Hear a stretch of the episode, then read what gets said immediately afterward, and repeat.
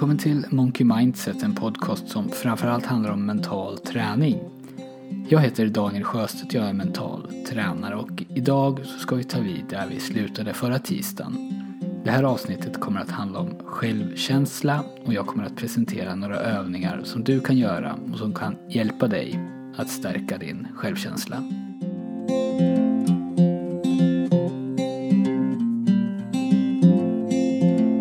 Förra veckan så pratade jag om hur yttre faktorer, alltså sånt som kommer till oss bara genom att vi lever våra liv ute i verkligheten, kan påverka självkänslan. Och gå gärna tillbaks och lyssna om du inte har gjort det, för där går jag in lite mer på det här.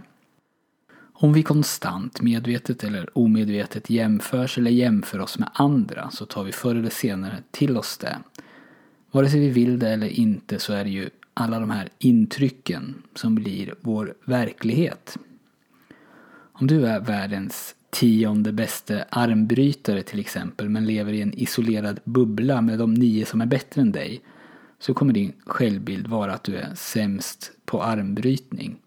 Och om armbrytning är det sätt som social status mäts på i den här bubblan eller om armbrytning är särskilt viktigt just för dig så finns risken att det kommer att sätta sig på din självkänsla. Det behöver inte bli så, men risken finns.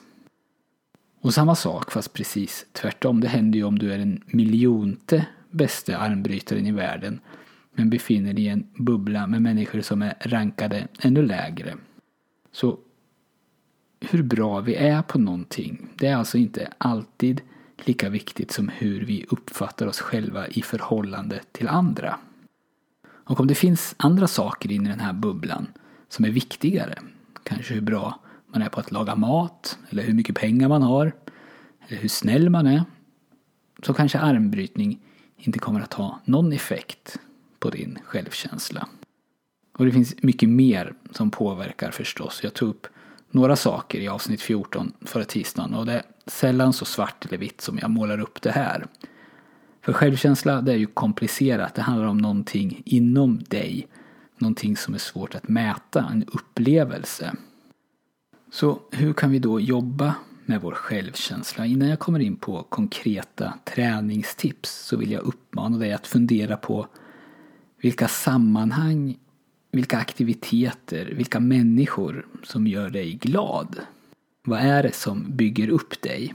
Vad mår du bra av? När får du en positiv känsla? Försök att få in så mycket av det som möjligt i ditt liv. När du har gjort någonting eller har träffat någon och tänker det här borde jag göra oftare. Börja att göra det oftare. Fundera också på hur du har det nu. Vad gör du med din tid? Vilka träffar du? Bygger det upp dig? Känner du att du mår bra av det? Eller gör du det bara av gammal vana? För att det är enkelt. Designa din egen verklighet i största möjliga mån så att du mår så bra som möjligt. Så till övningarna. Den första övningen, det som jag har tjatat om tidigare och det som jag tycker är det bästa du kan göra. Det är att börja träna mentalt genom att lära dig att slappna av muskulärt och mentalt. Alltså träna med ljudbanden. För egen del, och jag vet att det finns massor av människor som också har samma erfarenhet som mig, så ger den här typen av träning ett inre lugn, en grundtrygghet som känns väldigt stabil. Du får en stark bas att bygga vidare på. Och allt det här som jag pratar om förut, de yttre faktorerna, de spelar inte längre så stor roll för hur du tänker och tycker om dig själv. Och jag återkommer i slutet av podden med information för hur du kan börja med den här träningen.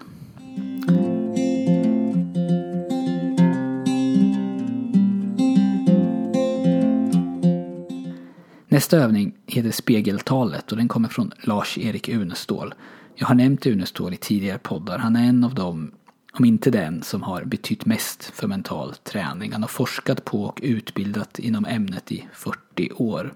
Spegeltalet det är en mycket enkel övning. Varje morgon när du precis har vaknat så håller du ett litet tal för dig själv i spegeln. Om du gör det tyst eller högt spelar ingen roll. Och där berättar du för dig själv att du gillar dig själv och att du är glad över dig själv. Du håller ett positivt tal helt enkelt. Och gör det på allvar. Det behöver inte ta lång tid. En halv minut till en minut bara.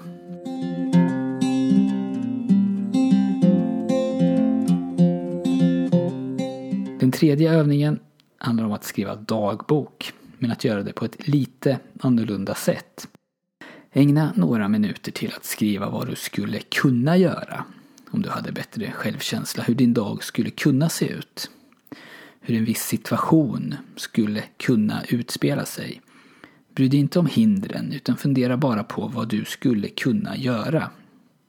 Den här övningen den har jag byggt på ett experiment som Martin Seligman gjorde 2005.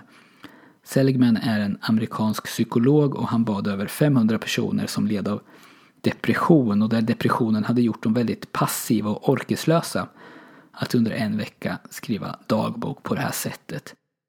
De skulle skriva ner vad de skulle kunna göra om de hade mer energi. Inte vad de borde göra eller hur i hela världen det skulle kunna gå till. Utan bara tänka på vad de skulle kunna göra om de hade mer energi. Och efter bara en vecka så rapporterade de som ingått i studien högre aktivitet och de upplevde sig lyckligare och mindre deprimerade.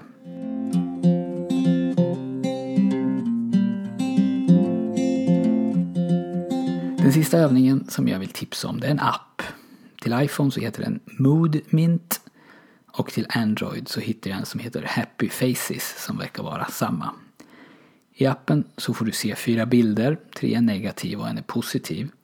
Du ska så fort som möjligt klicka på den positiva och så får du poäng för hur snabbt du klickar och hur många rätt du har. Du tränar alltså hjärnan på att hitta det positiva i en situation.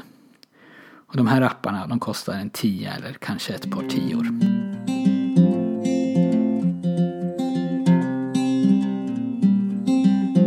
Det var övningarna men som du vet vid det här laget så räcker det inte för dig att lyssna på när jag berättar om dem. Om du vill ha effekt så behöver du göra dem. Hur mycket du har möjlighet att göra det är såklart upp till dig. Jag har valt övningar som är så enkla som möjligt just för att jag vill att du gör dem. Mitt råd är att inte kräva för mycket av dig själv i början utan ta det lugnt. Börja smått. Och när det funkar så kan du öka efterhand. Det är mycket viktigare att hålla i det här än att göra massor de två första dagarna och sen glömma bort allt. Kom också ihåg att det är bättre att göra något än att göra inget. Och det är bättre att göra sällan än att inte göra alls. Använd inte det faktum att du inte har tid att träna i en kvart som ursäkt för att inte göra någonting alls och låt inte en veckas uppehåll innebära att du ger upp. Ett 10 sekunder långt spegeltal är bättre än ingenting. Då håller du i alla fall det här arbetet levande. Du gör dig själv medveten.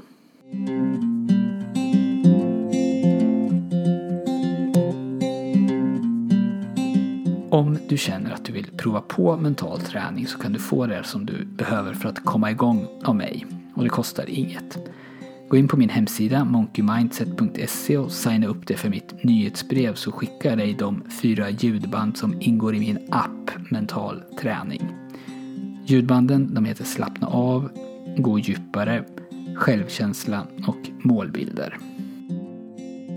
Maila mig gärna, daniel monkeymindset.se. Stort tack till er som skickar frågor, ger feedback och kommer med förslag till ämnen. Och jag har också fått ett litet gäng recensioner på iTunes sen sist och det uppskattar jag verkligen. Ingen verkar veta hur de som bestämmer om iTunes tänker men just ratings och recensioner är tydligen viktigt för att få sin podcast spridd och fronta där. Det var allt för den här gången. Tack för att du har lyssnat och vi hörs snart igen.